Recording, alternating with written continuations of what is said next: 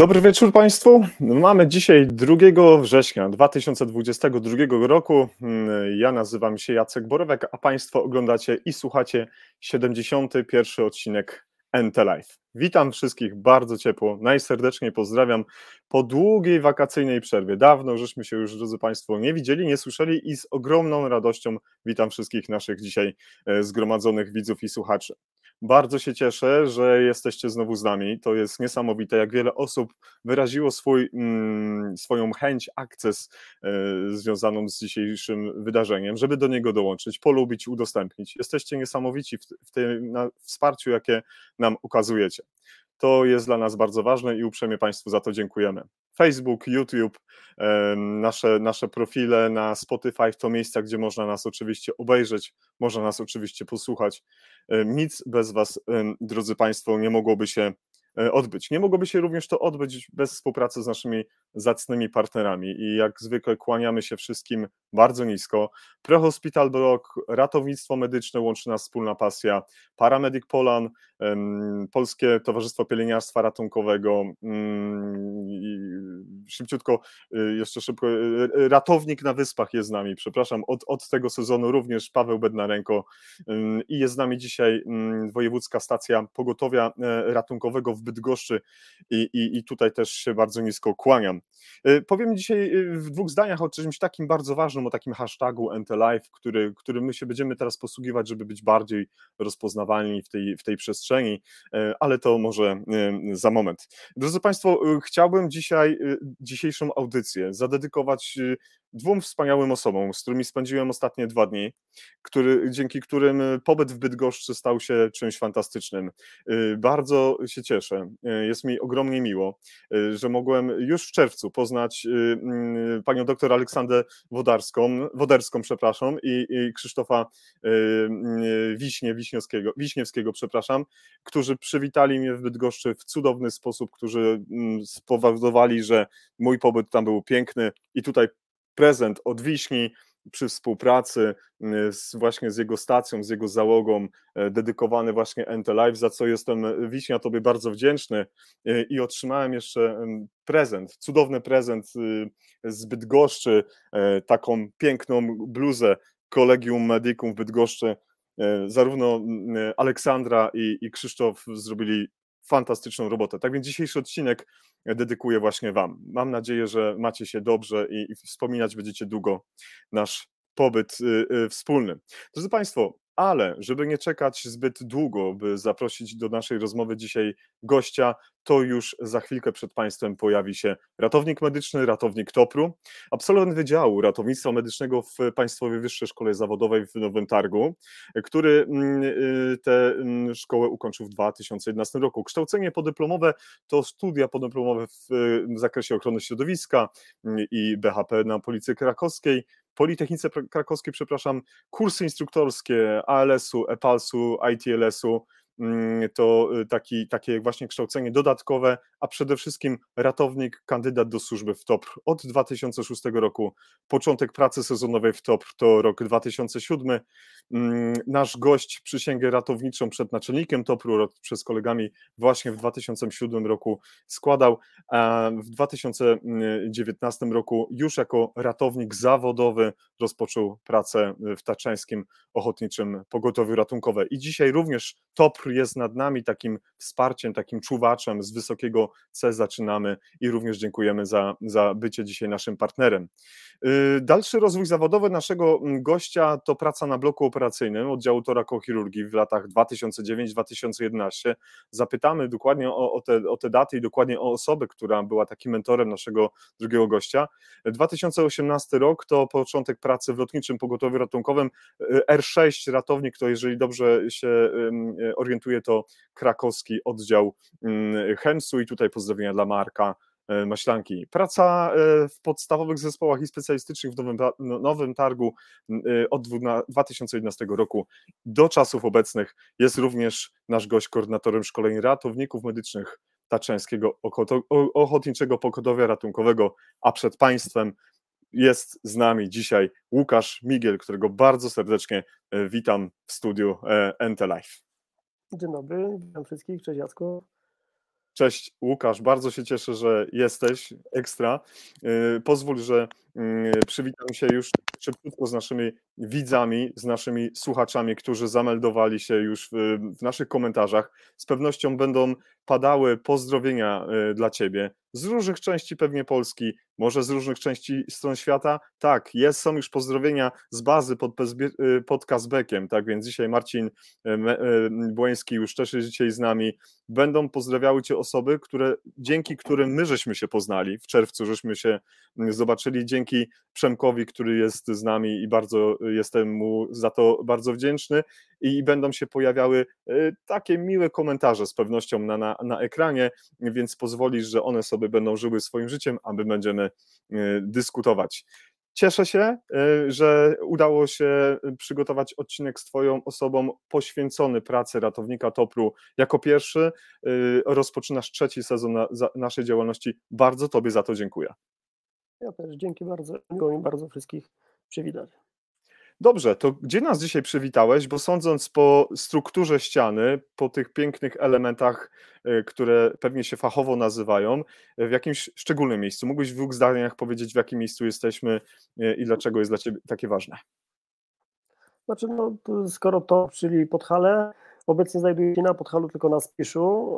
To jest stary dom teścia, teścia mojego którym sobie teraz e, siedzę i mogę z Wami rozmawiać. E, I mieszkam tutaj od dwóch lat, więc przyniosłem się zakopane na Spisz do Jurgowa.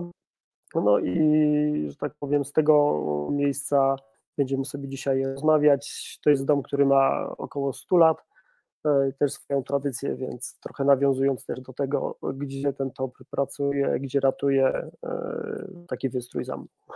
Wspaniale, bardzo Tobie dziękuję. Pozdrów teściów, pozdrów całą Twoją rodzinę, podziękuj, że y, udało się dzisiaj e, zorganizować takie studio jednoosobowego przedstawiciela Topru właśnie w Waszym domu, ale pozwoli, że w tym momencie chciałbym pozdrowić wszystkich Twoich kolegów, koleżanki, ratowników, ratowniczki, zespół administracyjny, kapitanów, pilotów, wszystkie osoby, absolutnie wszystkie, które przeszłości, obecnie i w przyszłości będą członkami tej zacnej organizacji. Tak więc kłaniam się wszystkim Państwu bardzo serdecznie i pozdrawiam Was bardzo i, i, i dziękuję, że instytucja, którą tak pięknie reprezentujecie, e, jest dzisiaj z nami. Tak więc y, tutaj chylę czoła przed, przed wszystkimi. Tak więc y, dobrze, że jesteście. Cieszymy się bardzo.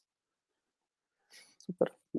Łukasz, y, mój drogi, jak to, y, y, żeby rzucić na, na pierwsze pytanie, jak to się stało, że zostałeś ratownikiem medycznym, to tak trochę by było trudno, bo pewnie ta historia zaczęła się znacznie, znacznie dłużej, bo z pewnością twój kontakt z górami, twój kontakt z taką aktywnością, no to chyba wiele, wiele, wiele, wiele lat wcześniej. W dwóch zdaniach powiedz, jak to się w ogóle stało, że te góry były dla ciebie, stały się takie bliskie, dla ciebie ważne, no i chyba jak na razie to najważniejsze, jeśli chodzi o mhm. miejsce, w którym jesteś.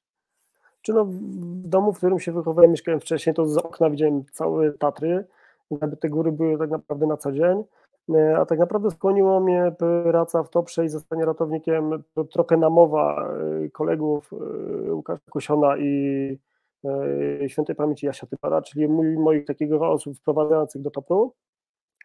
E, no i praca początkowo z psem lawinowym, psem ratowniczym. E, z racji tego, że właśnie jeden z kolegów, czyli Łukasz Kusion, mieszkał w sąsiedztwie, my spotkaliśmy się na spacerach, e, no i mhm. tak troszkę poza ich, że tak powiem, namową wstąpiłem do Topru, jeździłem na nartach, wcześniej pracowałem jako instruktor, więc część tych rzeczy, które trzeba było mieć jako kandydat już miałem. Z Jaśkiem Tyborem pierwsze wyjścia takie góry wspinaczkowe e, odbywałem.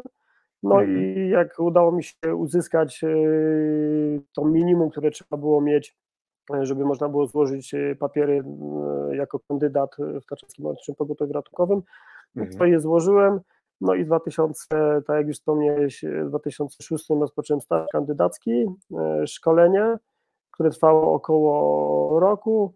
E, i w 2007 roku złożyłem przysięgę i po przysiędze zacząłem pracować jako ratownik sezonowy e, na stacjach narciarskich, bo też był taki okres, że ratownicy to dyżurowali e, na stacji, na zorganizowanych terenach narciarskich, no i pracowałem też jako ratownik górski, głównie w funkcji takiego przewodnika psa lawinowego w okresie zimowym, szczególnie jeżeli chodzi o kwestie pracy sezonowej.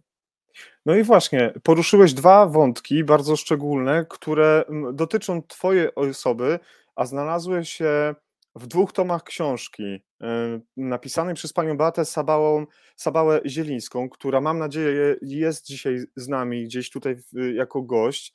Numer, y, tom pierwszy i tom drugi. Y, to, drodzy Państwo, rzeczywiście mógłbym powiedzieć takie duże kompendium wiedzy, takiej sporo teorii, dlaczego, po co to wszystko powstało ponad 100 lat temu. Geneza powstania, pierwsi bohaterowie y, y, tej, na, na, na stronach y, tych książek to właśnie mm, osoby nie tylko cywile, ale jak się okazuje, założyciel, jeden z pierwszych takich najważniejszych tych, tych zakładaczy tej organizacji, był oficerem Wojska Polskiego. Nie chciałbym zdradzać za dużo tutaj tych tajemnic, ale z pewnością, drodzy Państwo, odnajdziecie tutaj wiele mm, technicznych e, i wielowątkowych szczegółów, o których e, pisze pani Beata. A ja na początku chciałbym Ciebie zapytać, żebyś jakby za, zachęcił naszych widzów i słuchaczy do tego, żeby przeczytać te dwie, e, dwa tomy książki, te dwa wątki, o których była mowa, bo zarówno w pierwszym tomie jesteś, w pierwszym tomie jesteś wspomniany i w drugim. Mógłbyś w kilku zdaniach Y, na ten temat coś powiedzieć?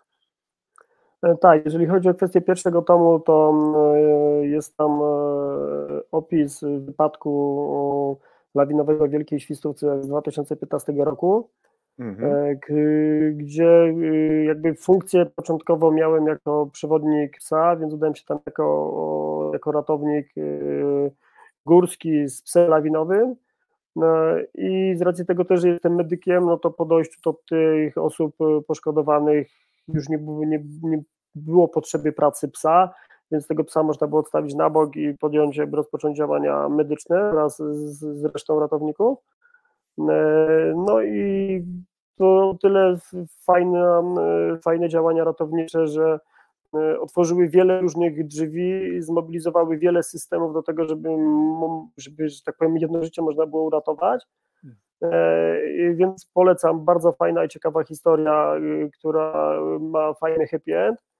No a w drugiej książce, tej, o której wspominasz, to ja głównie byłem udział y, w wypadku jaskiniowym w jaskini Wielkiej Śnieżnej.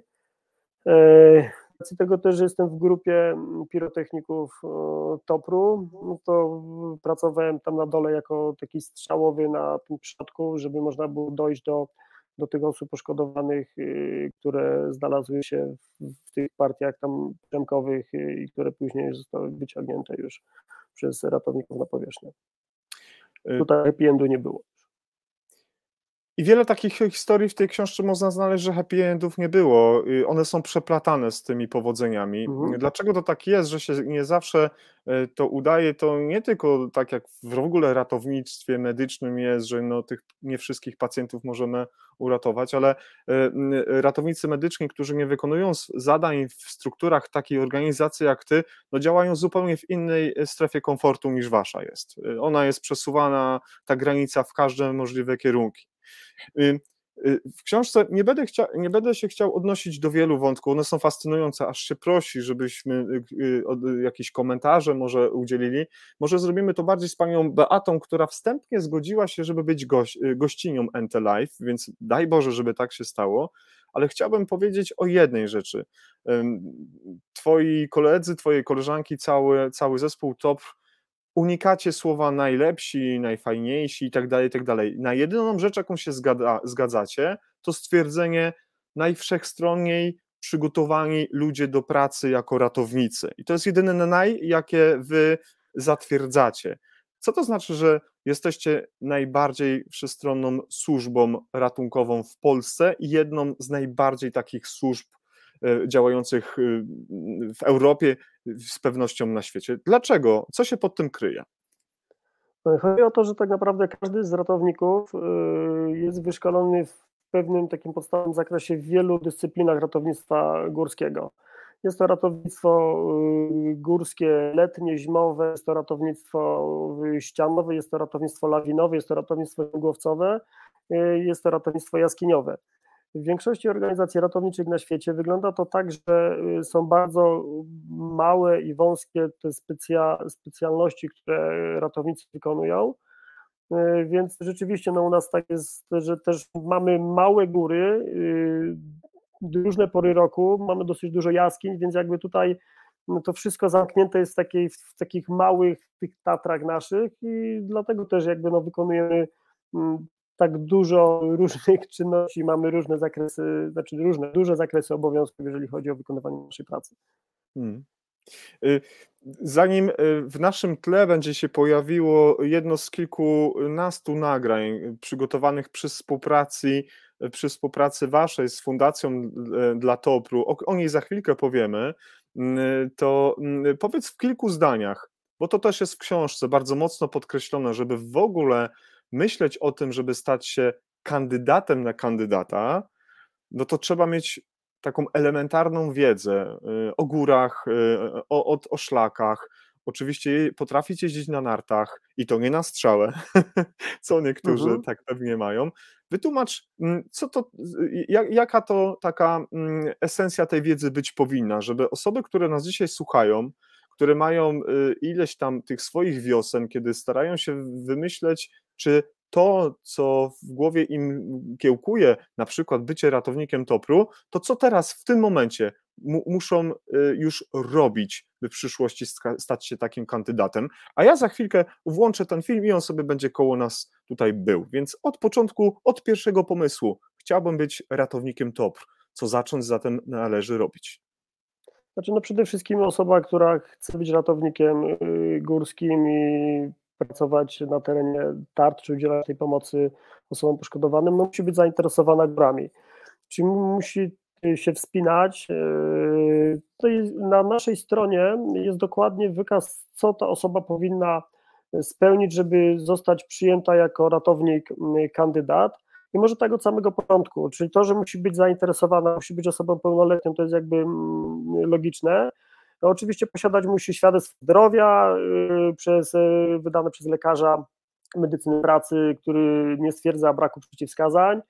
Musi przedłożyć y, wykaz takiej działalności górskiej, który jest dla nas bardzo istotny, czyli obejmuje tam minimum 10 dni wspinaczkowych, różnego rodzaju drogi, różnych trudności w różnych warunkach letnich i zimowych, wyjścia skiturowe, czyli to, co już zaznaczyłeś, jazda na nartach, ale nie tylko na stoku narciarskim, lecz także i przede wszystkim poza stokiem, czyli taki trochę może freeride, ale tutaj zaznaczone są w tym, w tym wykazie tury narciarskie. E, I dodatkowo ten wykaz aktywności górskiej powinien być z ostatnich trzech lat. Y, przejścia jaskiniowe, kanioningowe, różnego rodzaju inna aktywność, zawody w alpinizmie czy biegi górskie. No i do, musi mieć też ta osoba dwóch członków prowadzających, czyli to są osoby, które są ratownikami TOPR-u, które w pewien sposób świadczą za tego kandydata, że on jest osobą, która no, nadaje się do tego, żeby, żeby zostać tym ratownikiem. E, no i jeżeli taka, e, taka osoba złoży te wszystkie dokumenty do jakby TOPR-u, to wtedy e, zostaje powołana oczywiście po przeanalizowaniu tych y, wytycznych e, na egzamin kandydacki, e, no i który składa się z jakby z następujących elementów. Jest to test sprawnościowo-kondycyjny, który y, żeby zaliczyć, to jest trasa z Kuźnic przez Myśleńskie Turnie na Kasprowy Wierch w czasie krótszym niż godzina plus wiek. Czyli jeżeli przykładowo ratownik, czyli ten kandydat ma 20 5 lat, czy 30, no to będzie miał godzinę plus 25 minut, 30 minut. E, znajomość topografii Tatr polskich i terenów przygranicznych, ale tutaj bardziej chodzi o kwestię znajomości turystycznej Tatr, znajomości szlaków e, i to jest w miarę szczegółowo sprawdzane. Umiejętność jazdy na nartach, e, odpowiedni egzamin na stoku przygotowanym, później narciarstwo pozatrasowe, e, poruszanie się na nartach skiturowych podczas wycieczki, e, umiejętność asekuracji, autoratownictwa na drogach o trudności 5, 5 stopnia w skali taczańskiej, znajomość autoasekuracji, wspinaczki mixtowej w warunkach zimowych, no i znajomość historii i statutu Topru. Tak by to wyglądało, jeżeli chodzi o sam taki początek. Nie chciałbym być ignorantem, absolutnie dla Twojej pasji i zawodu, ale pojawiło się w Twojej wypowiedzi wiele słów, których nie rozumiem i nie znam, ale obiecuję, mhm. że w przyszłości odsłucham to, co teraz powiedziałeś, nadrobię te braki wiedzy, bo w Twoim mm, pewnie mm, przekonaniu jest to wiedza elementarna, gdzie mi takiemu e, chłopakowi z nizin no, no nie przyszłoby w ogóle pomyśleć, że takie słowa istnieją. Więc raz jeszcze chylę czoła przed tą wszechstronnością, gdyż rzeczywiście jest to bardzo imponujące. No ale to, żeby to wszystko zrobić, co ty teraz powiedziałeś, no to to, to jest tak, że trzeba się urodzić tam w, w tych naszych Tatrach, i tam wyssać to z trzeciego, czwartego pokolenia, bo to tak często było, że dziadek był toprowcem, y, y, ojciec, no i syn i kolejne pokolenia, czy jest taka całkiem spora szansa, że ludzie z nizin będą mogli stać się takimi również y, ratownikami? Czy spora część ratowników nie jest, czy nie pochodzi w ogóle z, z Podhala, pochodzi z całej Polski. Mam ratowników od stolicy poprzez ratowników gdzieś tam z północy Polski.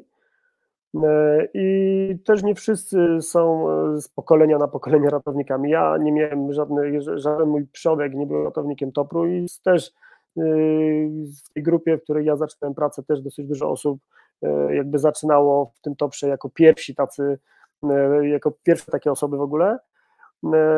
Natomiast jeżeli chodzi o kwestię też skorzystania z ratowników, ochotników w naszej pracy czy w działaniach ratowniczych, no to Mm, też dobrze, jeżeli oni gdzieś mieszkają w miarę blisko, żeby można było, jeżeli jest taka potrzeba, skorzystać z nich, nie? Ale są ratownicy, którzy przyjeżdżają i deklarują się, że będą tam społecznie y, siedzieć tam tydzień, nie wiem, dwa tygodnie, czy ileś dni w schronisku, czy na dyżurze i wtedy jak najbardziej no, są wykorzystywani do tych działań ratowniczych, chyba, że mają taką profesję, że rzeczywiście mieszkają gdzieś, na przykład y, nurkowie, którzy mieszkają gdzieś poza Zakopanym, E, i w razie takich wypadków są po prostu ściągani wtedy do działań ratowniczych. Rozumiem. Okej, okay, świetnie. Y, odniosę się do naszych widzów. Widziałeś przed chwilą pozdrowienia dla Ciebie. Wiele osób Ciebie zna, bo jesteś instruktorem, y, czy mm, właśnie tych kursów urazowych, czy tych zaawansowanych procedur ratujących życie. Pozdrawiam wszystkich Państwa bardzo ciepło. Napiszcie skąd y, nas dzisiaj oglądacie, skąd nas dzisiaj słuchacie. Chcielibyśmy uruchomić taką akcję, że znakiem rozpoznawczym w internetach w YouTube, y, w Facebooku będzie nasz hashtag. Nasz hashtag po prostu y, duże N, małe T, live, tak jak jest napisane korzystajmy z tego, żebyśmy byli znakiem rozpoznawczym i przez to, jak napiszecie e, z tym hashtagiem, będziemy trafiać do większej e, osób, grupy odbiorców, za co już teraz bardzo serdecznie dziękuję i dziękuję za te pozdrowienia, e, które do Łukasza poleciały. Ja jestem przekonany, że Łukasz Dzięki. ma taką podzielność uwagi, że wypowiada się w tych tematach, ale widzi, widzi, kto do nas pisze i to jest bardzo przyjemne i bardzo się cieszę. Pojawiają się nowi goście i pojawiają się tacy starzy wyjadacze. Tutaj mamy Tomka Sanaka, który nas tym razem pozdrawia z Mazur. Fajnie, Tomasz, że jesteś z nami i jest z nami również pan August, z którym dzisiaj miałem przyjemność porozmawiać o e, ciekawych tematach. Pan August e, napisał, że kolejna ciekawa audycja. Cieszymy się bardzo, że spełniamy Państwa e, oczekiwania. Powiedz mi, proszę, przed chwilką powiedziałeś, że muszą być osoby wprowadzające. Na początku powiedziałeś, że jedna z tych osób prawdopodobnie, jeżeli dobrze uchwyciłem ten wątek, już nie żyje. Jak to jest? Jak to się w ogóle dzieje, że taka osoba w, wprowadza, rekomenduje? Co się musi takiego wydarzyć między wami? Jakie relacje muszą się stworzyć, y, żeby taka osoba poświadczyła przed naczelnikiem? Tak, panie naczelniku. Y, Łukasz, zaświadczam y, za niego całym sobą to są naprawdę bardzo odpowiedzialne zaświadczenia, że się tak wyrażę. Tak, natomiast to też jest oczywiście weryfikowane w toku stażu kandydackiego, w toku szkolenia. Yy, tutaj bardziej chodzi o to, że ta grupa, yy, to środowisko yy, górskie, wspinaczkowe, narciarskie jest w miarę wąskie, więc ci ludzie, jeżeli ktoś przybywa w górach, przybywa w Tatrach, to też się znają. Bardzo duża czy spora część ratowników kandydatów, e, właśnie to są nasi znajomi, przyjaciele, z którymi się wspinamy, czyli też prywatnie z tymi osobami się znamy. Więc tutaj jakby to wychodzi tak trochę samo z siebie, te, te znajomości też, że później jakby te osoby poświadczają, że rzeczywiście to jest w miarę to jest dobry kandydat na to, żeby zostać ratownikiem. Chociaż tak jak mówię, yy, to jest sam, sam etap złożenia dokumentów i rozpatrzenia tego przez mhm. yy, nasze władze. Natomiast w toku później szkolenia i w toku tego stażu kandydackiego też te osoby oczywiście są weryfikowane. Drodzy Państwo, zachęcamy do komentowania przebiegu naszej rozmowy. Komentujcie te słowa, które padają z ust naszego dzisiejszego gościa. Niech ta rozmowa w tej w otchłani internetu się dzieje. Pani Beata już do nas napisała, że jest, że nas słucha. Jeżeli ktoś będzie chciał y, nabyć taką książkę z podpisem i y, dedykacją od naszej autorki, napiszcie w komentarzu. Pani Beata obiecała się odezwać, wytłumaczy w jaki sposób można zamówić książkę, żeby ten y, autograf od niej otrzymać, a później może przy okazji, kiedy spotkacie na żywo gdzieś Łukasza, czy kogokolwiek, który brał udział w przygotowaniu tego pięknego materiału, żeby też się tam podpisali, bo przecież dzięki współpracy między autorką a naszymi bohaterami powstała ta książka. No a właśnie, współpraca. Bardzo zainteresowała mnie osoba, którą miałem przyjemność poznać w, czerwcu który mm, to y, pan też był ratownikiem TOPR-u, jest anestezjologiem i który prowadził wykład na konferencji, dziewiątej konferencji pielęgniarstwa ratunkowego w, w Zakopanem. Y, y, nazwisko i imię tego pana to Sylweriusz Kosiński. I z tego, mhm. co mi opowiadałeś, y, z tego, co to też pan doktor opowiadał, y, y, no, wasza współpraca była bardzo wyjątkowa. Czy mógłbyś coś więcej powiedzieć właśnie odnośnie tego kształcenia podyplomowego i tej pracy dodatkowej, jaką, jaką miałeś właśnie na bloku operacyjnym? Dlaczego to było dla ciebie takie ważne z punktu widzenia pracy zawodowej, którą teraz wykonujesz? No tak, to, to była praca, którą wykonywałem przez prawie dwa lata. E, czyli byłem, można powiedzieć, takim trochę sanitariuszem, trochę taką asystą, jeżeli chodzi o zabiegi operacyjne. E, I to oczywiście wszystko dzięki profesorowi Marcinowi Zielińskiemu. Bo tak się składa, że profesor Maciej Zieliński jest mężem pani Beaty Sabały-Zielińskiej, która pisze te książki. E, Sylweusz Kosiński to jest no, mój kumpel, który z Topru, z, z pracy, był taki okres, że on przeszedł wtedy do pracy właśnie do szpitala, e, wtedy do szpitala Sokołowskiego, tego szpitala płucnego na działu i pracował w oddziale anestezjologii i intensywnej terapii. I dzięki niemu tak naprawdę e, miałem możliwość i okazję e, wykonywać różnego rodzaju procedury, ale też tak naprawdę nauczyć się zupełnych podstaw, jeżeli chodzi o zabezpieczanie drożności długooddechowych, jeżeli chodzi o kwestię wentylacji pacjenta, mm, no takie rzeczy, jeżeli chodzi o umiejętności twarde, takie skille, które są bardzo ważne, jeżeli chodzi o naszą pracę. Mhm. Powiedz, ile razy sobie pomyślałeś pod nosem, kiedy byłeś u naprawdę ciężkiego pacjenta, że warto było tyle pracować, że warto było y, chodzić na te dyżury, warto było pewnie mieć niejedne potknięcia, bo na początku naszej kariery kształcenia pewnie takich sytuacji jest y, dużo. Ile razy, ile razy stwierdziłeś, że warto było, że to jest to, na co pracowałeś, żeby w tym momencie to wykorzystać? Bo czasami słyszę takie komentarze, po co się uczyć pewnych rzeczy, tak rzadko to wykorzystujemy, praktycznie w ogóle nie warto. Jak to wy wygląda w rzeczywistości? Znaczy z naszej perspektywy i perspektywy pracy w grach, e, to możemy liczyć tylko na siebie, nie? Czyli w tym gronie, w którym pracujemy, nie możemy liczyć na dodatkowy zespół, karetkę, która przyjedzie, czy dodatkowy śmigłowiec. Więc e, jakby tutaj też chodzi o to, żeby grupa tych ratowników medycznych, e, która pracuje, E, no, była dosyć dobrze wyszkolona i żeby mogła sobie w tych sytuacjach trudnych y, poradzić. Y, jak sami wiemy, tych szkoleń y, my organizujemy w firmie bardzo dużo. Ja z racji tego, że koordynuję te szkolenia od kilku lat, staram się, żebyśmy w pracy rozmawiali jednym językiem, żeby każdy z medyków y, miał takie same możliwości, jeżeli chodzi o dostęp do szkolenia, żeby był, żebyśmy byli po kursach RC, AHA czy urazowych, y, po kursach ultrasonografii. Y, i to jest fajne, że jakby zakład pracy, w którym pracuję, czyli TOB, otwiera nam taką możliwość, jesteśmy wtedy w pracy, możemy sobie wybrać szkolenie, jakie chcemy, sprzęt, na jakim chcemy pracować, więc to są bardzo fajne rzeczy z, perspektywy medyka. Mamy bezpośrednio wpływ na to, czego będziemy używać i tak samo bezpośredni wpływ na to, z czego się będziemy szkolili albo gdzie mamy braki, które wypadałoby nadrobić. A odwróćmy sytuację, bo jako y, y, y, ratownik na PETC i na SC, ile razy umiejętności, już nie mówię te na poziomie takich ITLS-ów, ACLS-ów, EPALS-ów, to, bo to jest po naszej stronie jako medyków, a ile te razy te umiejętności zdobyte w strukturach TOP i w trakcie przygotowywania się do bycia ratownikiem zawodowym wykorzystałeś w takiej naszej pracy karetkowej, w medycynie karetkowej? Czy to rzadko, czy często?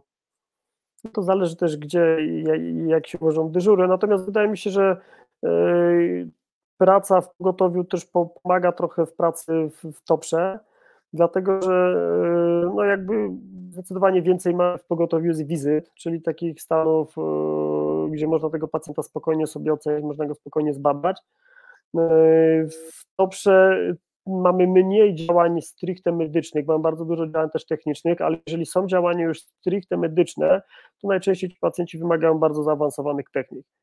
Więc e, jakby te, te, dwie rzeczy bardzo fajnie się uzupełniają i wydaje mi się, że ja nawet czasami nie, nie zdaję sobie sprawy, kiedy, w którą stronę się to, to przelewa doświadczenie z stopru na doświadczenie w ZRM-ie i doświadczenie w ZRM-ie na doświadczenie e, w Toprze. Wiesz co, ja teraz jesteśmy w większości dzisiaj w towarzystwie ludzi związanych z medycyną ratunkową i ratownictwem, no bo y, nie dodałem tego na początku, że nasze spotkanie to, to, to, to NT Live w ramach rozmów o ratownictwie medycznym y, i y, medycynie ratunkowej, ale ile razy się tak zdarzyło, że ktoś powiedział, ej, hamuj piętą konwoju, nie jesteś na pokładzie Sokoła, albo ile razy ktoś ci powiedział, dobra, dobra, stary, dzisiaj właśnie latamy, a nie jeździmy karetką. Zdarzały się takie zabawne sytuacje? E, może nie, bardziej y, przydaje mi się to, że mam bardzo dużo szkoleń, które mam zorganizowane właśnie poprzez TOP i one mi się przydają w zdrowia, bo jak wiemy różnie wygląda system kształcenia dyplomowego, różnie wygląda system kursów e, w ratownictwie medycznym, takim państwowym, natomiast tutaj TOP daje nam ogromną możliwość y, szkolenia się. I hmm. wręcz mamy napisane, że musimy minimum jeden kurs taki być w roku, a czasami mamy dwa, trzy kursy, jak to sobie ułożymy, jakie są też możliwości oczywiście pracy, bo część musi pracować, żeby część mogła się szkolić i później robimy jakąś rotację, zamiany, żeby ta druga grupa też była, była przeszkolona z tego samego zakresu. I, I, znowu tutaj, y, żebyśmy też dzisiejszej naszej rozmowy nie rozciągnęli bardzo mocno, bo na, nasz gość też ma z pewnością sporo na głowie. Dużo tych szczegółów, o których teraz Łukasz mówi, jakby zwraca uwagę na nie, znajdziecie w tych, tych dwóch tomach, tak więc y, zajrzyjcie tam. Y, pani Beato, proszę się odezwać, czy jest Pani z nami nadal w komentarzu i prosiłbym o już może jakiś link, gdzie książkę można nabyć z, z, jakąś, z jakąś dedykacją. Pojawiają się kolejne osoby. Jest Łukasz Bajorek, świetny specjalista pielęgniarstwa ratunkowego. Znamy się dobrze z Łukaszem, cieszę się, cieszę się, że dzisiaj y, do nas y, również dołączył y, osoby z Polski, ale okazało się, że jest z nami dzisiaj również pani Anna, która pozdrawia nas z pięknej Eszty w Norwegii, tak więc bardzo fajnie, bo, bo, bo, bo ty też masz takie jakieś sentymenty związane z Norwegią. Ja, ja, kiedy to było? Chyba to był 2016 rok, prawda?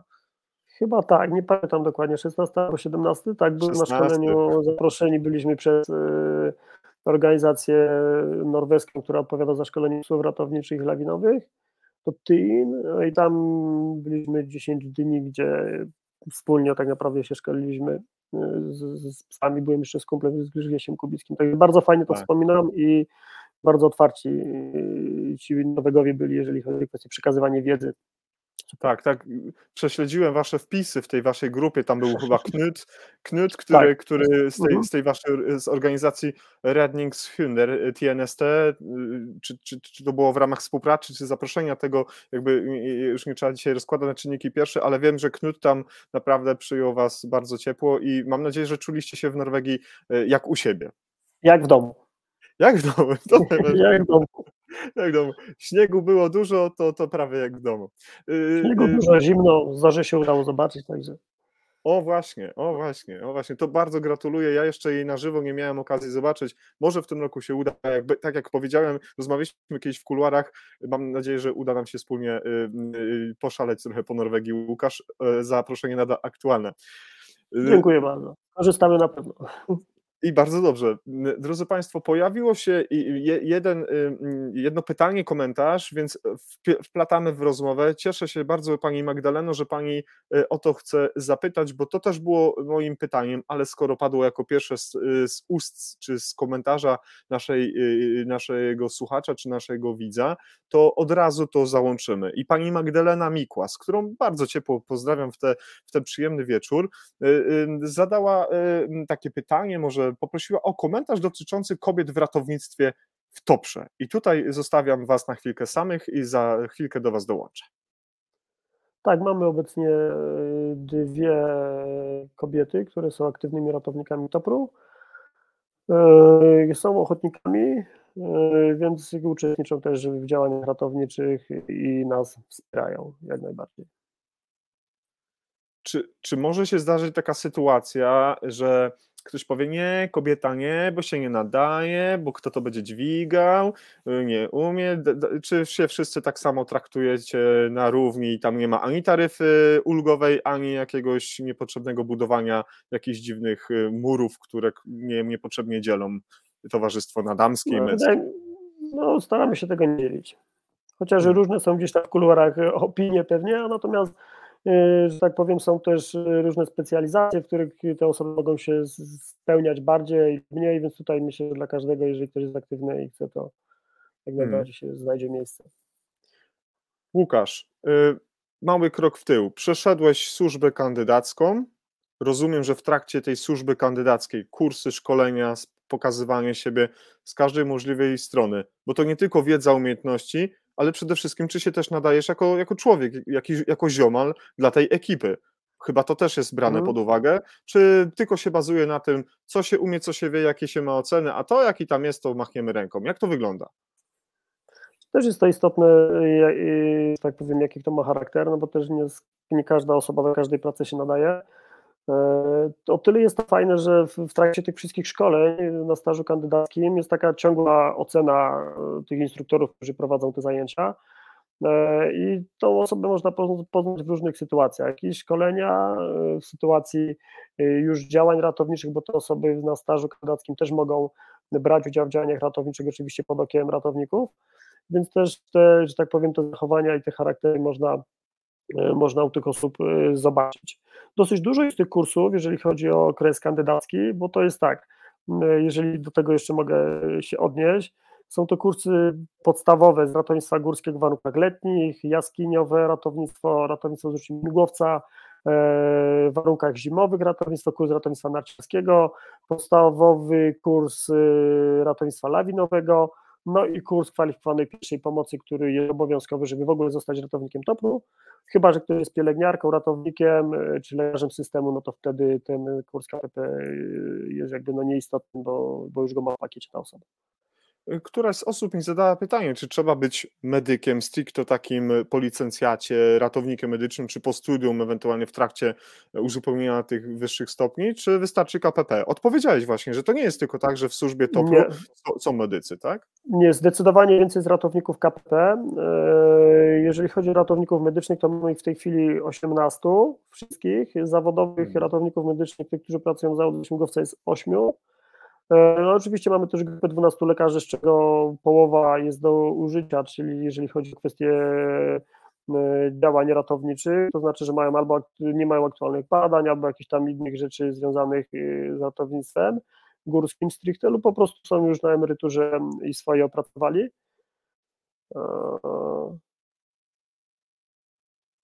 Tak? Mhm. tak. Coś, się, coś się zawiesiło? Nie? Słyszymy się. Nie, nie, nie, w porządku, tak, słyszymy. Okej, okay. świetnie, fantastycznie. No właśnie, tu mnie zainteresowałeś jednym wątkiem, bo y, doktor Sylweriusz, który z którym rozmawiałem w Zakopanem, nawet jest, drodzy Państwo, wywiad z, z panem doktorem na naszym y, y, YouTubie. Tam z kilkoma gośćmi w trakcie konferencji w Zakopanem miałem okazję porozmawiać i, i, i chyba doktor ten wątek wspomniał. No to ile trzeba mieć lat, żeby być już tym emerytowanym ratownikiem? Jak to jest? Czy to po 50 czy, czy, czy, czy tam po 40? Czy my pracujemy, z racji tego, że TOBR jest stowarzyszeniem, mhm. to jak działa na, na, takich samych zasadach jak innego rodzaju różne stowarzyszenia, to my pracujemy normalnie do 65 roku życia, jeżeli chodzi o kwestię przejścia na emeryturę. Okej, okay, jasne. Fajnie, to bardzo ważna informacja, bo czasami, czasami pytają, padają takie pytania stricte co, gdzie. Chociaż jak, jak najbardziej, jak najbardziej przydałoby się możliwość jakiegoś mostowego przejścia na wcześniejsze emerytury, mhm. E, no ale nie wiadomo, czy coś w tym temacie się uda kiedykolwiek działać. Trzymamy kciuki. Marcin Gbiorczyk, nasz redakcyjny kolega, używa swojego motta życiowego kropla drąży skałę. W przypadku Toprut skała to jest idealnie trafione porównanie, prawda? Mhm. Zacząć z wysokiego C, tak jak my dzisiaj, w dzisiejszy trzeci sezon NT Live, to dosłownie, bo w przenośnia dzisiaj nie pasuje. Y, do jakiej wysokości statek powietrzny typu Soku wznosi się w trakcie działań ratunkowych. Dlaczego o to pytam? Bo y, ktoś powiedział, że y, no, przede wszystkim najważniejszym jakby przeciwwskazaniem do tej pracy jest lęk wysokości i lęk przestrzeni. Więc jak to jest rzeczywiście w realiach? Na jaką wysokość ten statek powietrzny jest podrywany, żeby bezpiecznie opuścić ratownika, zdesantować, bo to jest chyba takie mądrzejsze słowo. No tak, y, to jest takie też śmieszne, że mam znajomego pilota, który pracował z nami i mówi, że ma lęk przestrzeni, nie? No, jako pilot, ale mówi, że ma lęk przestrzeni, bo w zamkniętej kabinie jest wszystko jest w porządku. Natomiast no, taka wysokość, y, która jest bezpieczna dla danego lotu, dla danej misji, nie? Bo jeżeli lecimy na mhm. rysy, no to wysokością bezpieczną będzie tam kilka czy kilkanaście metrów powyżej wierzchołka. Jeżeli działamy gdzieś przy ścianie, no to już w zależności od tego, gdzie prowadzone są działania ratownicze. Mhm, mhm. Okej. Okay. Interesuje mnie kolejny etap. Przeszło się teraz kwestię kandydacką, uporało się z tym wszystkim i się staje e, ratownikiem, ochotnikiem po tak. uporządkowaniu tego etapu. I co się wtedy dzieje? Jak to wygląda w kilku zdaniach, żebyśmy potem mogli już przejść do ratownika zawodowego. Tak więc jesteśmy z, e, na poziomie ratownik, topru, ochotnik. Mhm.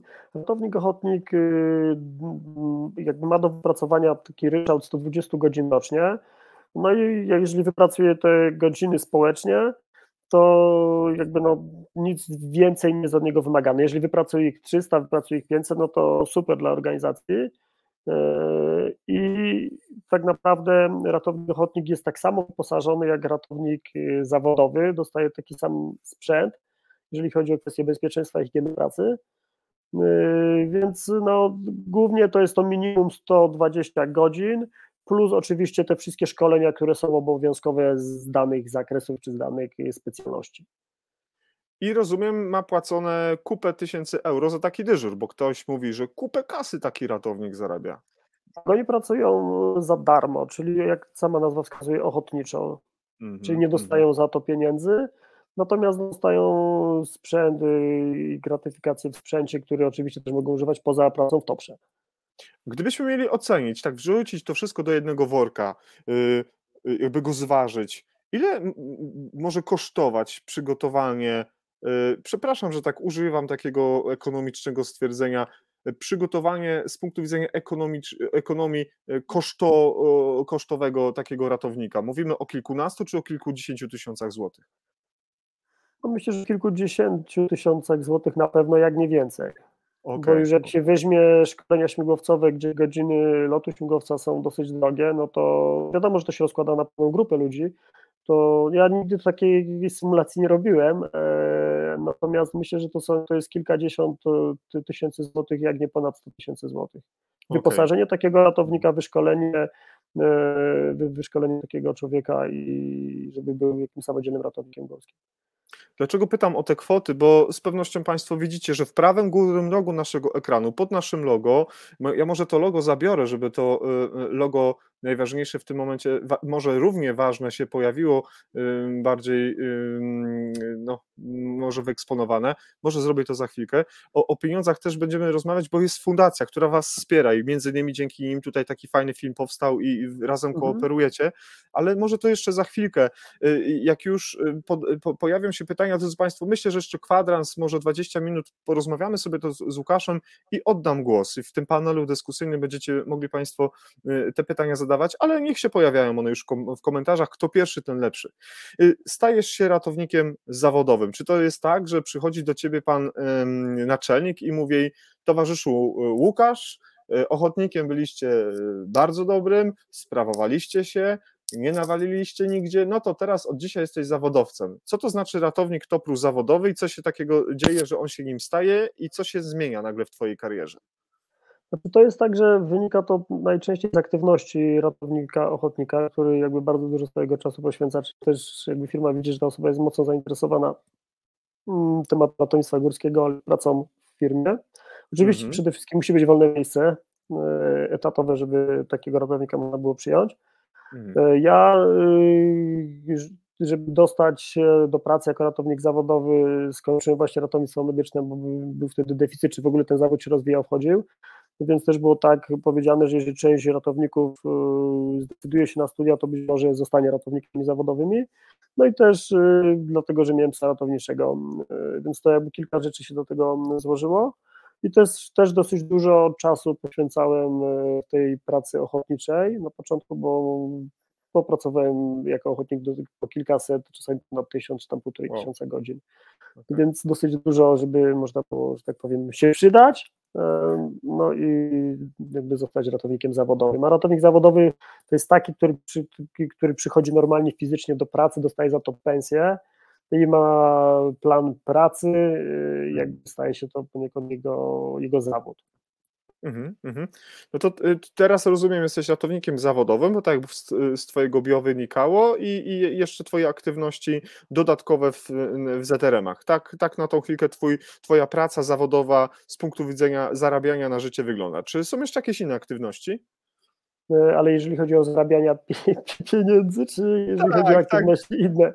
Nie, chodzi głównie o kasę, bo właśnie przed chwilą pojawił się komentarz, y, ja się od niego do, do, niego odniosę, że pani Magdalena napisała, że wszyscy ratownicy przecież zarabiają kupę hajsu, a wiemy, że tak nie jest. I, i zadaję specjalnie to pytanie, żeby obserwujący y, nas osobom, szczególnie decydentom, uświadomić, że pomimo przejścia tak kolosalnie trudnego szkolenia, przygotowania połowy swojego życia po to, żeby stać się w ogóle interesującym kandydatem dla topru, potem przejść to jedno to drugie, trzecie i kolejne, wiele tysięcy złotych trzeba w takiego człowieka włożyć, a później gdzieś tam jeszcze realizujemy się zawodowo, żeby y, finansowo tak się spinało. W tym momencie masz dwa miejsca zarobkowania, czy masz jeszcze jakieś inne przestrzenie? Nie pytam o kwoty, bardziej mi chodzi o mm, aktywność. Prowadzę, prowadzę swoją działalność, czyli trochę też szkole yy, okay. na kursach nie jakoś intensywnie w ostatnim mhm. czasie. No i też prowadzimy z żoną obiekt. Y, mamy domek y, taki w stylu góralskim w Zakopanym, y, który wynajmujemy, jakby to też wspiera nasz budżet miesięczny. Tak, tak więc, drodzy Państwo, niech nikomu nie przyjdzie na myśl, żeby od razu stwierdzać tak, jak bardzo często się słyszy, że te ratole, czy w powietrzu, czy pod wodą, czy, czy na kołach, jakieś takie wielkie rzeczy robią zastanawiajmy się zawsze bardzo szeroko, jak to jest w tej naszej przestrzeni, żeby mm, to się wszystko też zgadzało z punktu widzenia finansowego. Za ten komentarz Pani Magdalenie bardzo dziękuję. Jak widzicie, nie boimy się żadnych komentarzy, żadnych pytań, żadnych, żadnych słów nie zostawiamy y, y, jakby niedotkniętych, tak więc bardzo za to y, dziękuję. Łukasz, powiedz mi y, teraz, kiedy patrzysz na swoją mm, pracę zawodową, kiedy jesteś już tym ratownikiem mm, y, y, topru zawodowym, ile razy miałeś takie poczucie, że chciałeś się gdzieś tam poddać po drodze, no i przyszła ci jakaś taka, nie wiem, chwila zwątpienia, albo, albo uznałeś, kurczę, gdzie ja się pcham, po co mi to, może, może lepiej zostać na tym, nie wiem, kontrakcie albo jeździć w ZRM-ach i, i, i spokojniej sobie żyć. Czy nigdy ci takie coś nie przyszło do głowy? Ja myślę, że wypadek w jaskini był takim momentem, kiedy może nie tyle myślałem, żeby zrezygnować z tej pracy, co jakby zastanawiałem się nad sensem e, prowadzenia tych działań ratowniczych, e, jeżeli chodzi o kwestię e, tych prac strzałowych tam na dole. Natomiast no, to też jest tak, że jeżeli człowiek odpocznie po danych działaniach ratowniczych po wyprawie, no to też jakby to jego podejście na drugi dzień czy na kolejnych dniach jest troszkę, jest troszkę inne. Hmm. E, ja myślę, że takie bardzo duże zmęczenie fizyczne i psychiczne też to, bo, że tak powiem, ja się otarłem swoje granice w pewnym momencie w tych działaniach ratowniczych w jaskini, nie? E, więc, ale to w sumie raz miałem tak hmm. rzeczywiście, że, że, że tak gdzieś z tyłu głowy taki pasek się przewinął. Pytam o to bardzo celowo.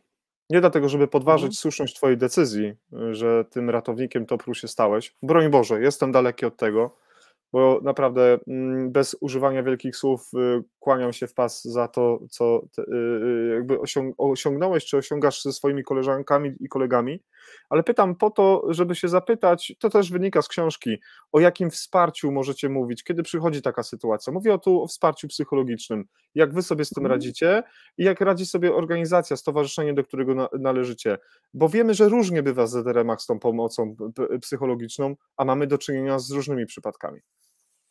Czy tak na samym początku, no to rozmowa w grupie, w której, że tak powiem, się pracuje, czy doszło do jakichś e, takich e, dziwnych sytuacji. E, mamy też możliwość wsparcia, jeżeli chodzi o zespół psychologów. Nie mamy na etacie nikogo takiego zatrudnionego, natomiast mamy poradnie czy numery kontaktowe, dla których ratownicy mogą się zgłosić. To te koszty też pokrywa firma Mm. Czyli to możemy sobie wybrać. To może być anonimowy, a zupełnie osoba, czyli niekoniecznie psycholog zakładowy, tylko daje nam to jeszcze trochę większy wachlarz, że tak powiem, wyboru. Mm. Okej, okay, to bardzo ważne, bo często się mówi o tym, że y, taki, takie wsparcie psychologiczne y, jest konieczne w różnych zawodach, w różnych przestrzeniach, się należy.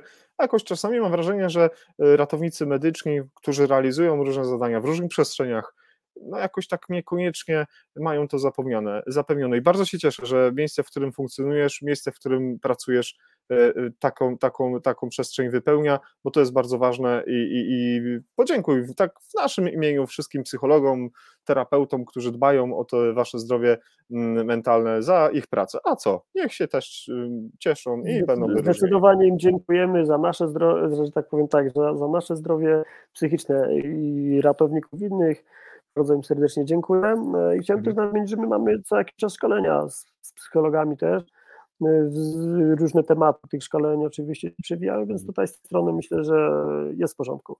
Ekstra, bardzo się cieszę. Super, drodzy Państwo, że wspieracie.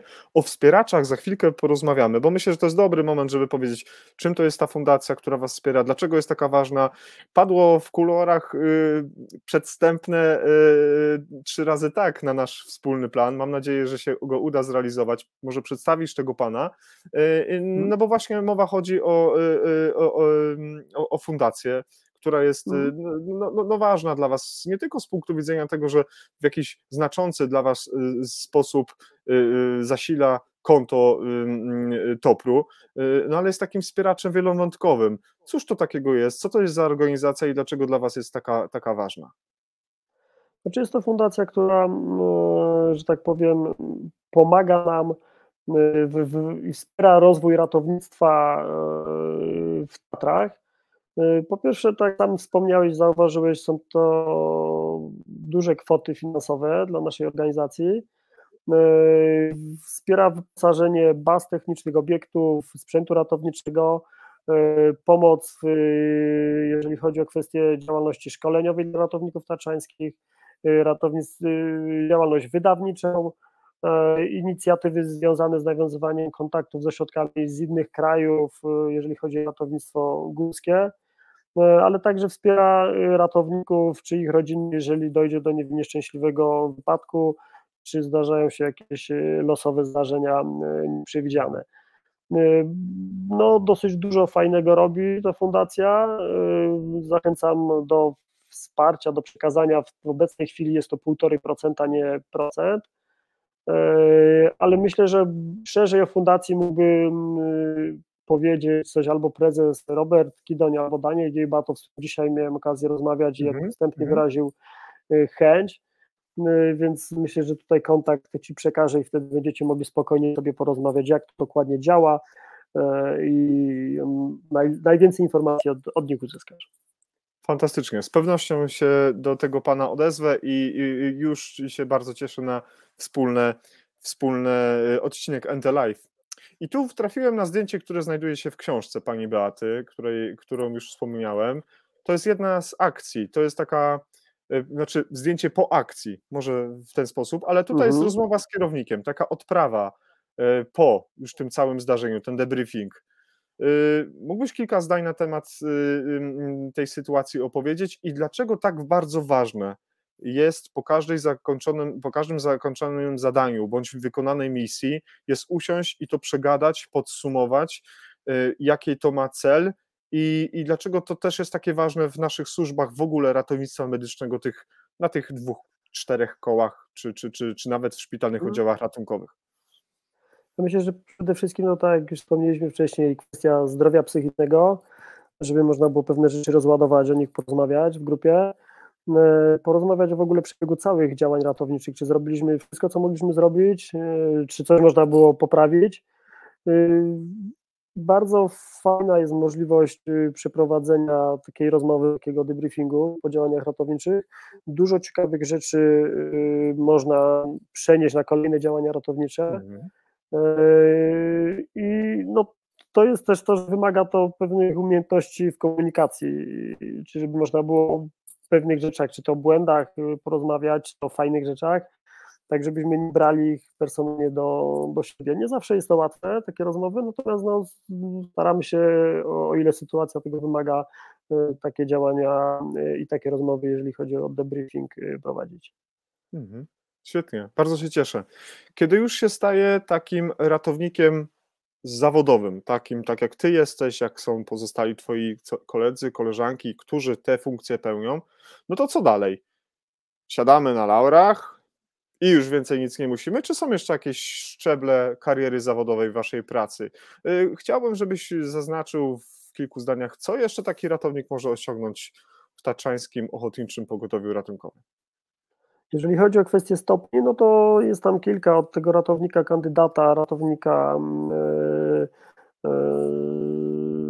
zwykłego takiego straży ratunkowej, później starszy ratownik, yy, instruktor aspirant, instruktor starszy, instruktor i chyba instruktor emeryt, czy instruktor senior.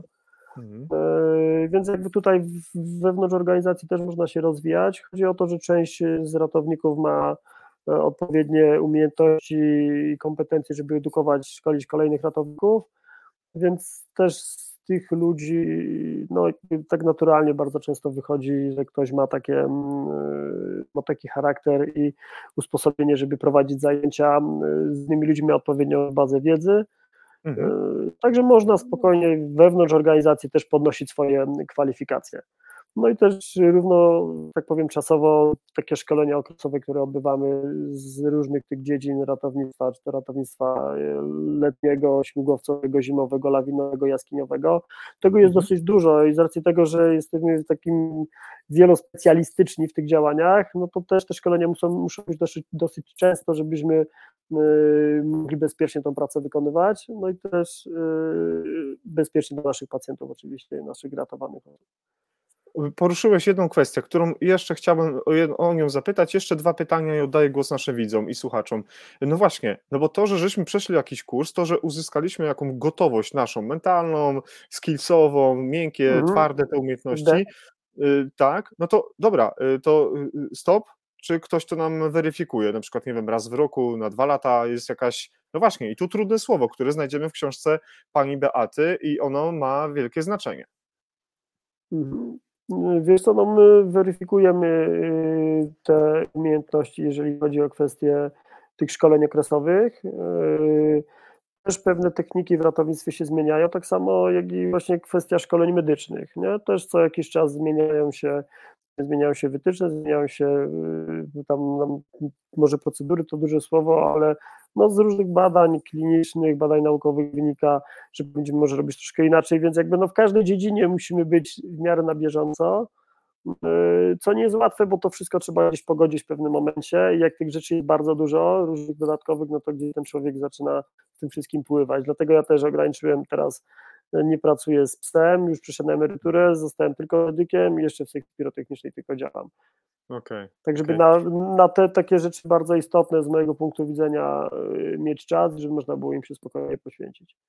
No dobrze, ale może być taka sytuacja, że ktoś nie, nie przejdzie takiej certyfikacji, takiej kontroli, sprawdzenia mhm. i mu się mówi, stary, sorry, ale w tym momencie nie spełniasz naszych y, wymogów musisz przestać no, pracować, nie możesz dłużej. Znaczy to nie jest tak, że może nie, nie przestać pracować, natomiast bardziej chodzi o to, że można tego, tego człowieka doszkolić, jeżeli jest taka okay. potrzeba w danym zakresie, nie? Tak samo jak i kursy medyczne, no nie każdy kurs zdajemy za pierwszym razem, czasami podchodzimy drugi raz i jakby nie tracimy uprawnień ratownika medycznego, bo nie zdaliśmy kursu ALS-u przykładowo. No. Jasne. Okej. Odnośnie kursów kształcenia, za chwilkę zadam Tobie pytanie odnośnie Twojej polecanej branżowej literatury, ale nie tylko, bo może pojawia się coś jeszcze, taki fajny, ciekawy wątek, że można naszych gości, drodzy Państwo, pytać o to, co w ogóle czytają na, na, na co dzień. To może być UNESCO norweski, tri, y, autor thrillerów, czy to może być y, ktokolwiek inny, to za chwilkę zapytam, ale nie chcę tu w jakiejś dramaturgii większej wprowadzać, czy może wyciągać od naszego gościa jakiś jakichś może trudnych, przykrych sytuacji, ale może jest jakaś super piękna, fantastyczna jedna misja, jedno zadanie, które chyba jak na razie na tę chwilę utknęło Tobie najbardziej w pamięci. Czy jest coś takiego konkretnego, czy z każdych tych Twoich zadań, misji, jakie realizujecie, mógłbyś wyjustować kilka, wyciągnąć, może nie wyjustować kilka takich ciekawostek? Może jest coś takiego, z czym chciałbyś się podzielić y, z widzami i słuchaczami NT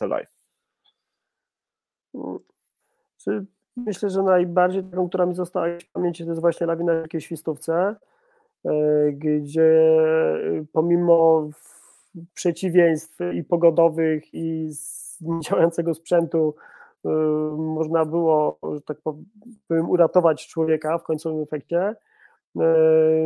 Jest zasługa całej grupy, całych wszystkich ratowników, całego łańcucha, całego ogniwa ZRM-u, Lotniczego Pogotowia Szpitala w Krakowie, Mhm. E, to jest zapisane w książce, którą tam wcześniej pokazałeś Beaty Sabeł-Wielińskiej, więc myślę, że można się do tego, jeżeli ktoś jest zainteresowany, bardziej szczegółowo odnieść i sobie przeczytać. Ale to są, nie prowadzę takiej listy przebojów, co jest bardziej, co jest mniej, natomiast y, to gdzieś tam zostaje.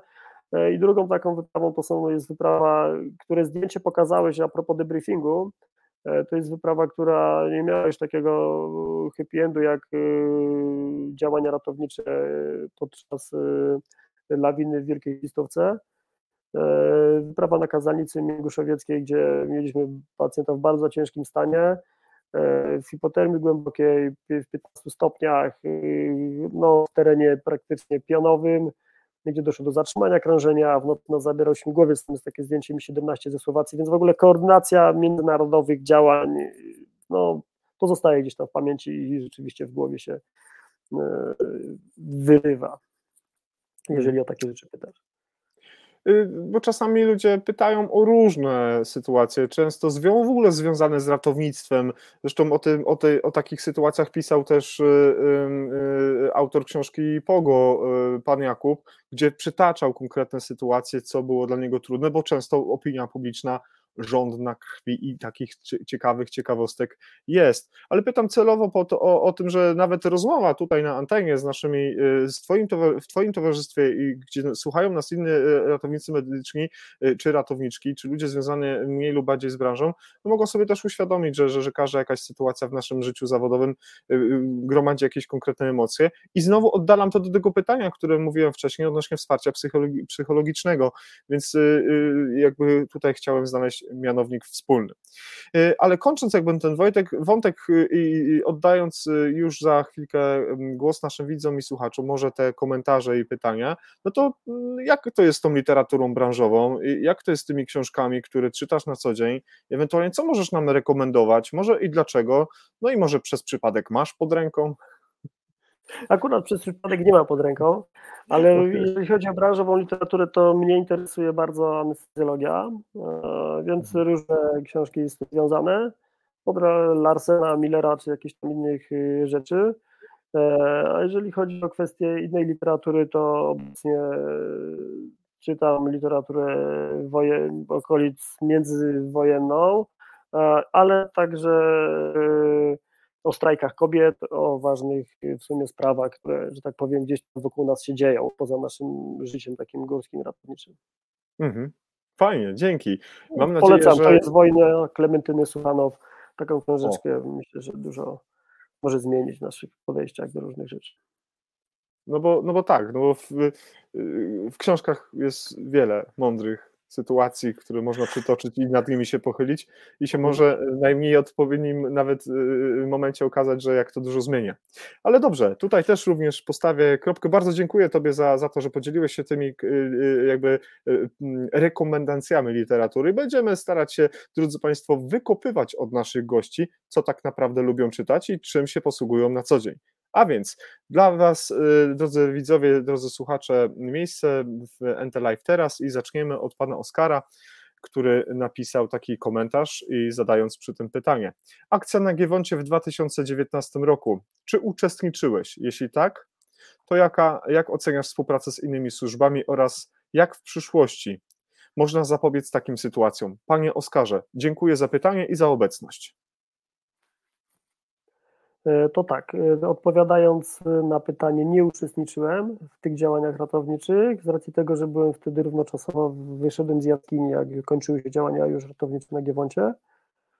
E, jeśli chodzi o współpracę z innymi służbami, to z tego co się orientuję, to była na bardzo wysokim poziomie i dyspozytornia w Krakowie stanęła naprawdę na wysokości zadania, bo dla nas był to no, wypadek masowy, nie bylibyśmy sobie w stanie sami z tym wszystkim poradzić, więc wspierają nas i Straż Pożarna, OSP, PSP, GOP, Lotnicze Pogotowie Ratunkowe, naziemne zespoły ratownicze, więc ja myślę, że tutaj współpraca była bardzo fajna.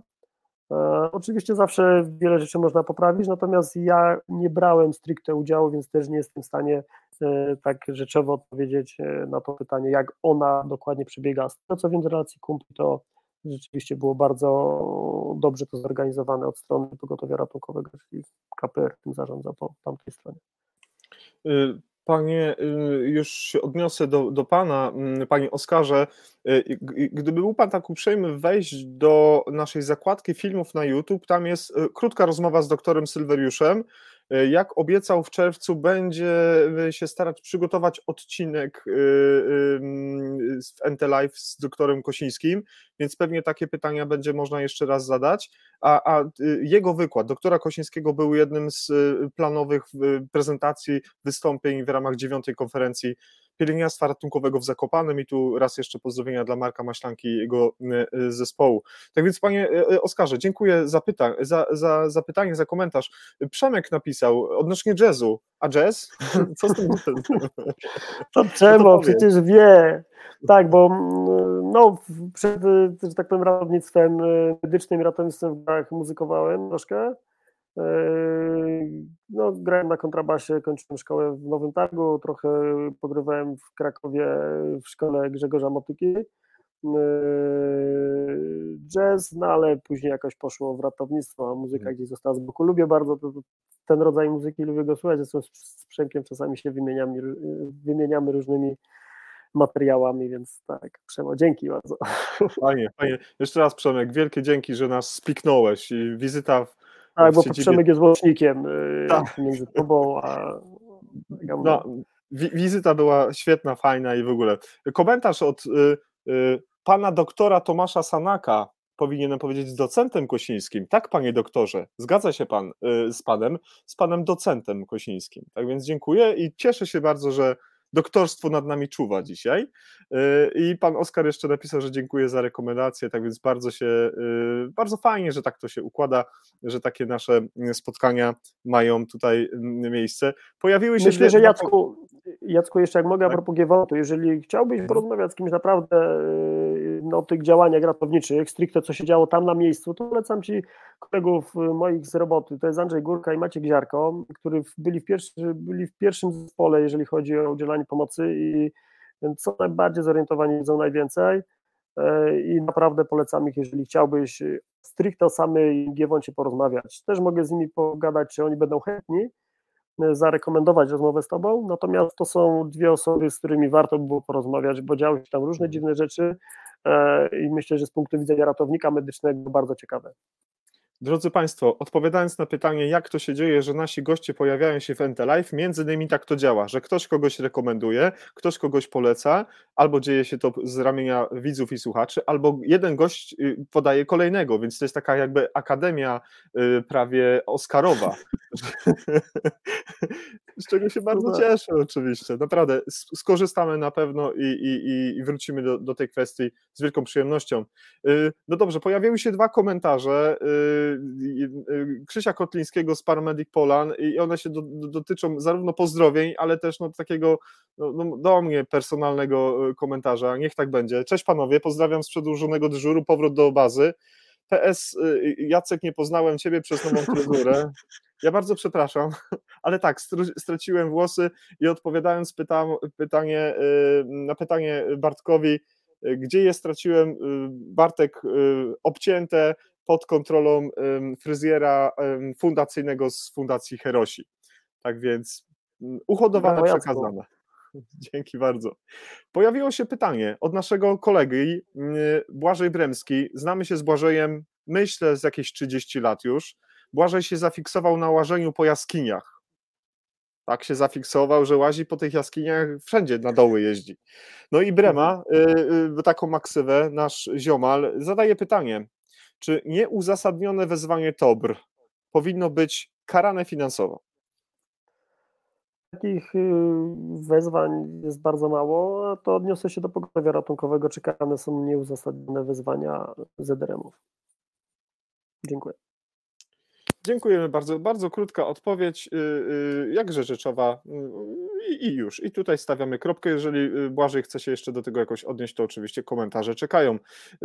Pani Agnieszka Bok napisała, czy, taki, czy tak jak strażacy, PSP, ratownicy TOPR przechodzą cykliczne testy sprawnościowe?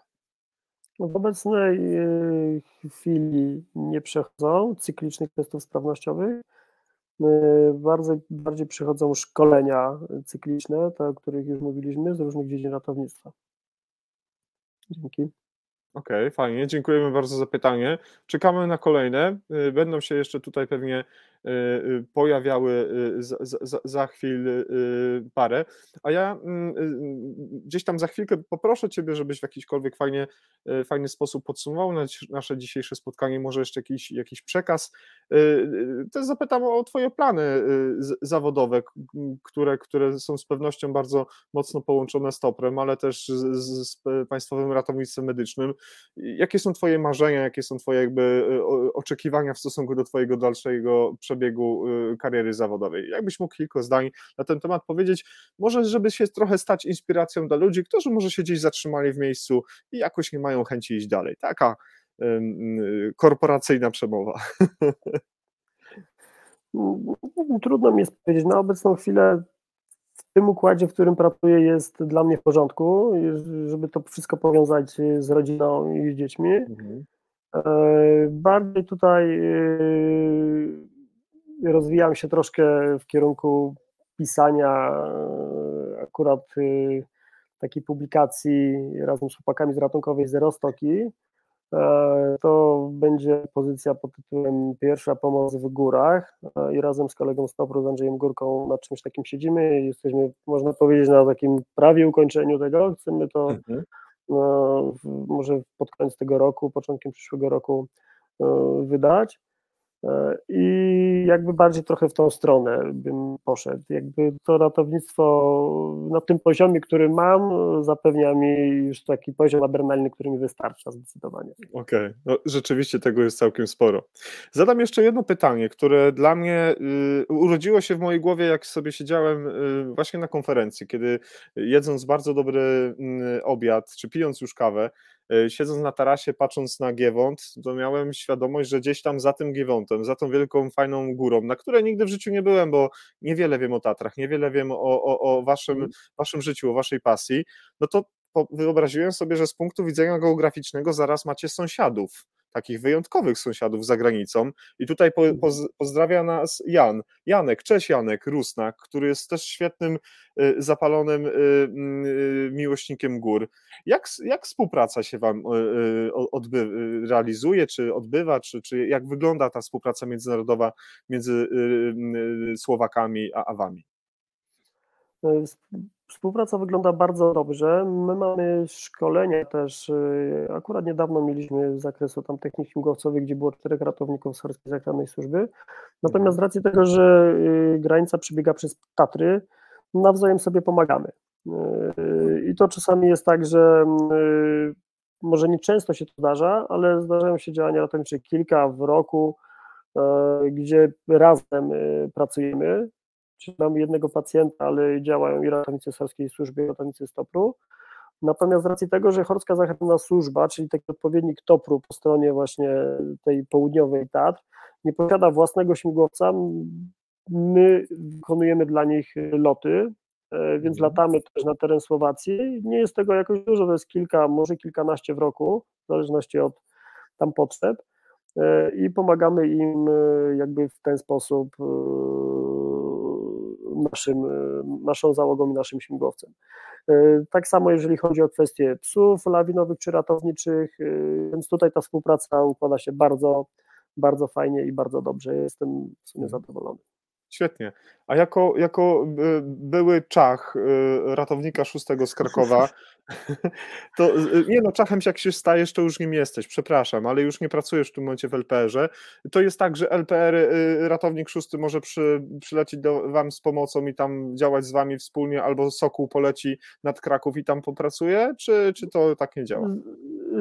Zdarza się, jest jednostką, która współpracuje z systemem państwowym mhm. państwowego ratownictwa medycznego, nie? czyli w systemie mamy tam zespoły podstawowe, specjalistyczne i zespoły lotnicze, Mhm. E, my jesteśmy poza systemem i zdarzają się sytuacje, w których my przekazujemy pacjenta, ja przekazywałem kilka razy do ratownika szóstego bezpośrednio, czyli okay. albo w umówionym miejscu, albo na lądowisku w Zakopanem my prosimy śmigłowiec, e, czy to ratownik szósty, czy to będzie śmigłowiec z Katowic, czy co będzie wolnego w dyspozycji, tak żeby można było przekazać tego pacjenta, żeby zachować ciągłość e, tych działań ratowniczych, żeby ten pacjent mógł trafić do wyspecjalizowanego ośrodka, jeżeli takiego nie ma u nas w okolicy, czy to w szpitalu w Zakopanem, czy w szpitalu w Nowym Targu.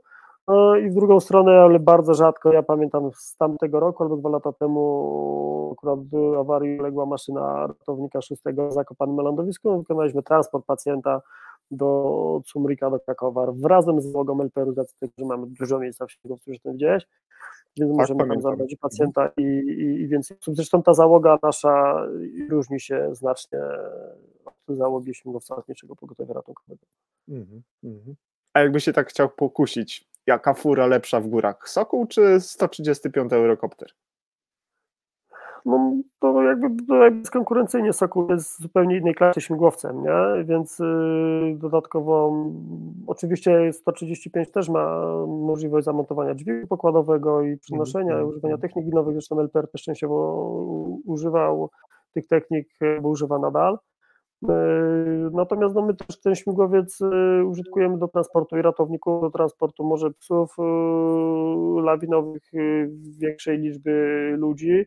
Zabieramy też czasami kilka osób poszkodowanych na pokład, czyli poszkodowanego w noszach, poszkodowanego w trójkącie. Mm, Więc mm. tutaj jakby możliwości samego wymiaru i siły tego śmigłowca no, to są jakby no, nieporównywalne. Oczywiście. Jeżeli chodzi o, o, o Sokoła i, i EC-135. Hmm. Łukasz, y, myśląc dzisiaj i patrząc na przyszłość, y, według Ciebie często pojawia się to pytanie, często zadaję to pytanie naszym gościom, bo dzisiaj spotkanie w ramach rozmowy o ratownictwie medycznym, medycynie mhm. ratunkowej. Gdybyś miał sobie zamarzyć, albo jak gdybyś chciał, żeby to tak wyglądało, albo y, jakbyś sobie poukładał w Twojej głowie, że tak być powinno. Jak powinno właśnie ten, y, ten system ratownictwa medycznego i tej medycyny ratunkowej y, za te 20 lat wyglądać? W jakim kierunku to powinno pójść? Albo może coś byś rekomendował, żeby się pojawiło? Ja myślę, że na pewno kwestia gradacji w ratownictwie medycznym. Y, sam wiem po sobie, po swoim doświadczeniu, jak wyglądają moje początki pracy w ZDRM-ie i wydaje mi się, że gdyby była możliwość odpowiedniego stopniowania i do tego przypisywania odpowiedniego, mm, odpowiednich uprawnień, e, to ja bym coś takiego widział, to by mi bardzo odpowiadało. Żeby ci ludzie nie byli wrzucani na głęboką wodę zaraz po studiach, e, bez żadnego doświadczenia bardzo często na system, e, mhm. tylko żeby mieli możliwość spokojnego wejścia do tej pracy i po samych specjalistów z tej medycyny ratunkowej, bo nie uważam, że e, ratownik medyczny, który rzeczywiście pracuje 10-15 e, lat, e, no nie ma odpowiedniego doświadczenia, żeby nie mógł być takim superwajzorem innego ratownika medycznego. Mhm. Zresztą tak systemy działają na świecie i bardzo dobrze się to sprawdza. Mm, ja, mi taki układ by się bardzo podobał. Jeżeli mógłbym się dalej rozwijać, zrobić właśnie jakąś specjalizację czegoś, to by było czymś fajnym, a tak tak naprawdę na etapie licencjata już to jest ten rozwój taki zawodowy gdzieś tam się kończy. Można tych kursów ileś zrobić, ale ile tych kursów znowu można zrobić? Nie? tak. Absolutnie, tak, ekstra. ja bym w tą stronę jednak bardziej chciał, żeby to tak wyglądało. Jakoś mhm. poukładane i rzeczywiście, żeby ci ratownicy mieli dostęp do szkoleń e, systematycznego, specjalizacji jak najbardziej. Świetnie, czyli taki ogólno y, y, rozumiany rozwój, podyplomowe kształcenie, gradacja stopni, y, odpowiedzialności, konsekwencji za te odpowiedzialności, no i na, na końcu też gratyfikacji finansowej za tą ciężką pracę. Zdecydowanie, zdecydowanie się zgadzam z tą wnioską. Mhm, Okej, okay. świetnie. Drodzy Państwo, godzina 20 minut właśnie mija naszej rozmowy. Zawsze się goście martwią i boją, o czym my to przez tą godzinę będziemy rozmawiać, albo i nawet półtora ale zawsze jest tak, że w takim miłym towarzystwie zaproszonego gościa czy gości, bo NT Live pamięta, że było nas y, wielu nawet y, w trakcie jednego spotkania, no i przede wszystkim widzów i słuchaczy. I raz jeszcze kłaniam się Państwu, że spędziliście dzisiaj z nami ten wieczór, że czekaliście też na to wydarzenie, tak jak my. Tę przerwę wakacyjną mam nadzieję, że wykorzystaliście dobrze na, na, na, na regenerację sił, na odpoczynek. Y, I jakbyśmy mogli podsumować nasze dzisiejsze spotkanie? Y, y, może chciałbyś coś przekazać? Może, może mm, siostrom i braciom, ratownikom, a może coś turystom, a może, a może znajomym, może chcesz pozdrowić, nie wiem, szwagra, zięcia, już teraz żartuję, e, e, ale, ale nie, z tym zięciem to przesadziłem, e, ale, ale może, może na zasadzie z, z, złożenia takiego, takiego naszego spotkania w jedną całość, podsumowania, no to myślę, że warto byłoby to zrobić. Co by takiego było? Ja myślę, że jakoś y, podziękować w sumie chciałbym tym ludziom, których spotkałem na drodze swojej pracy, i to zawodowej, i tej ratowniczej, i to w systemie, i w TOPRze, i e, w ZDRM-ach, i w Lotniczym Pogotowiu Ratunkowym, bo jakoś tak się mi układało w tym życiu, że spotykam w sumie, jakby nie patrzeć, tych, te właściwe osoby, tych fajnych ludzi, pasjonatów, z którymi w sumie dobrze się pracuje, mhm. i którzy też są motorem do jakby dalszego rozwoju i do tego, żeby człowiek ciągle był gdzieś tam na, mm, był na bieżąco, jeżeli chodzi o kwestie ratownictwa. Tak jakoś tak dzisiaj sobie myślałem o tym, że w sumie to jakoś się to układa, że te, te osoby są bardzo, bardzo, bardzo w porządku. Okay. Świetnymi specjalistami, więc myślę, że tutaj im wszystkim w sumie chciałem podziękować, bo dzięki nim też jestem w tym miejscu, gdzie jestem. Także dziękuję. E, i też się do tego mm, z całym zespołem i wraz z naszymi partnerami, współorganizatorami też dołączamy. A gdybyś miał dwa zdania powiedzieć naszym turystom, którzy chodzą po tych naszych pięknych górach, zaglądają tak tłumnie, może mhm. tutaj, bo mam nadzieję, że słuchają nas też miłośnicy gór, bo informacja o wydarzeniu trafiła do blisko 30 tysięcy osób i, i staraliśmy się dotrzeć nawet na portale y, górskie. To co by takiego było? To tak jeszcze jedno, jeśli można E, ciebie o słowo komentarza prosić. Mhm. To odpowiednie i adekwatne planowanie na pewno wycieczek e, mhm. względem własnych umiejętności e, i własnego doświadczenia, odpowiednie przygotowanie, jeżeli chodzi o przygotowanie i kondycję fizyczną, ale przygotowanie także pod względem ekwipunku i obsługi tego sprzętu, to na pewno pomoże tym turystom, pomoże w bezpiecznym użytkowaniu gór, nie tylko w Polsce, ale i na świecie. Mhm. A jeżeli zdarzy się wypadek, czy dojdzie do takiej sytuacji, w której będzie potrzebna pomoc, to po pierwsze, żeby potrafiły te osoby udzielić pierwszej pomocy e, i żeby wiedziały, w jaki sposób się e, wtedy zachować. Ja z tamtego roku mam bardzo fajne doświadczenia, jeżeli chodzi o e, naszych turystów, bo na bardzo wysokim poziomie w dwóch sytuacjach praktycznie dzień po dniu prowadzili resuscytację, tak jak byli członkami zespołu LS-owego, a zupełnie byli to laicy, więc naprawdę e, no, tylko takich turystów więcej, to będziemy bezpieczni w górach. Fajnie, a ja do tego jeszcze dołożę takich turystów, którzy korzystają z tego, że jesteście, korzystają z tego, że wchodzą do Tatrzańskiego Parku Narodowego, wchodzą, robią różne rzeczy, zwiedzają, oczywiście zachowują się przykładnie, to, no to zajrzyjcie do fundacji y, tego topru. Y, ten jeden, półtora procent niech będzie właśnie na to, żeby wchodząc właśnie w góry, wchodząc w te, w te miejsce, gdzie są pewnie piękne, cudowne i fantastyczne, żebyście mieli, drodzy Państwo, z tyłu głowy i takie przekonanie, że jesteście bezpieczni tam nie tylko dlatego, z takich powodów, jak powiedział przed chwilą Łukasz, ale też z takiego powodu, że czuwają nad Wami dosłownie naprawdę fajni ludzie, którzy robią swoją pra pracę z zamiłowania i z wielkiego serca, ale też wymagają do tego pewnych środków. Tu namawiam w imieniu swoim, w imieniu całej załogi Nurdis Trigger czy zespołu redagującego NT Live i wszystkich partnerów. No to już tak na sam chyba koniec myślę, że stawiając kropkę do dzisiejszego naszego spotkania, do naszego wywiadu z, z Łukaszem. Tak myślę chyba. Super Jacku, ja też dziękuję bardzo Fajnie. za uczestnictwo w programie. Pozdrów wszystkich. Jak będziesz w bazie, jak będziesz y, w bazie ratowniczej w Nowym Targu, tam na Petce czy na SC, nieważne, uśmiechaj się do ludzi, mów, że mają pozdrowienia y, od, od, od ekipy Od Antilife. Od Jacka niech będzie. I, i, I jeszcze raz bardzo uprzejmie Tobie dziękuję za, za dzisiejsze spotkanie. Cieszę się bardzo, że, że, że, że, się podobają Państwu te rozmowy, że się podobają Państwu te spotkania. Pani Iwona napisała, że dziękuję za podzielenie się doświadczeniami, za piękną i ważną pracę. Życzę satysfakcji, dużo kolejnych sukcesów i zawsze tyle wylotów, co powrotów.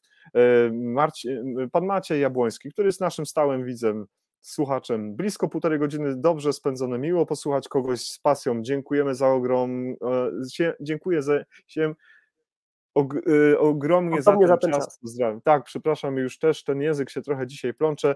I oczywiście jest z nami pan doktor Lewandowski. Dobry wieczór, panie doktorze. Jak miło pana dzisiaj z nami widzieć. Wiem, wiem, mam dotrzeć do, do Łodzi. Ja przyjadę do tej Łodzi. I napisał jeszcze do nas pan Oskar mm, y, Soczyński. Wszystkiego dobrego. Ile wejść na akcję?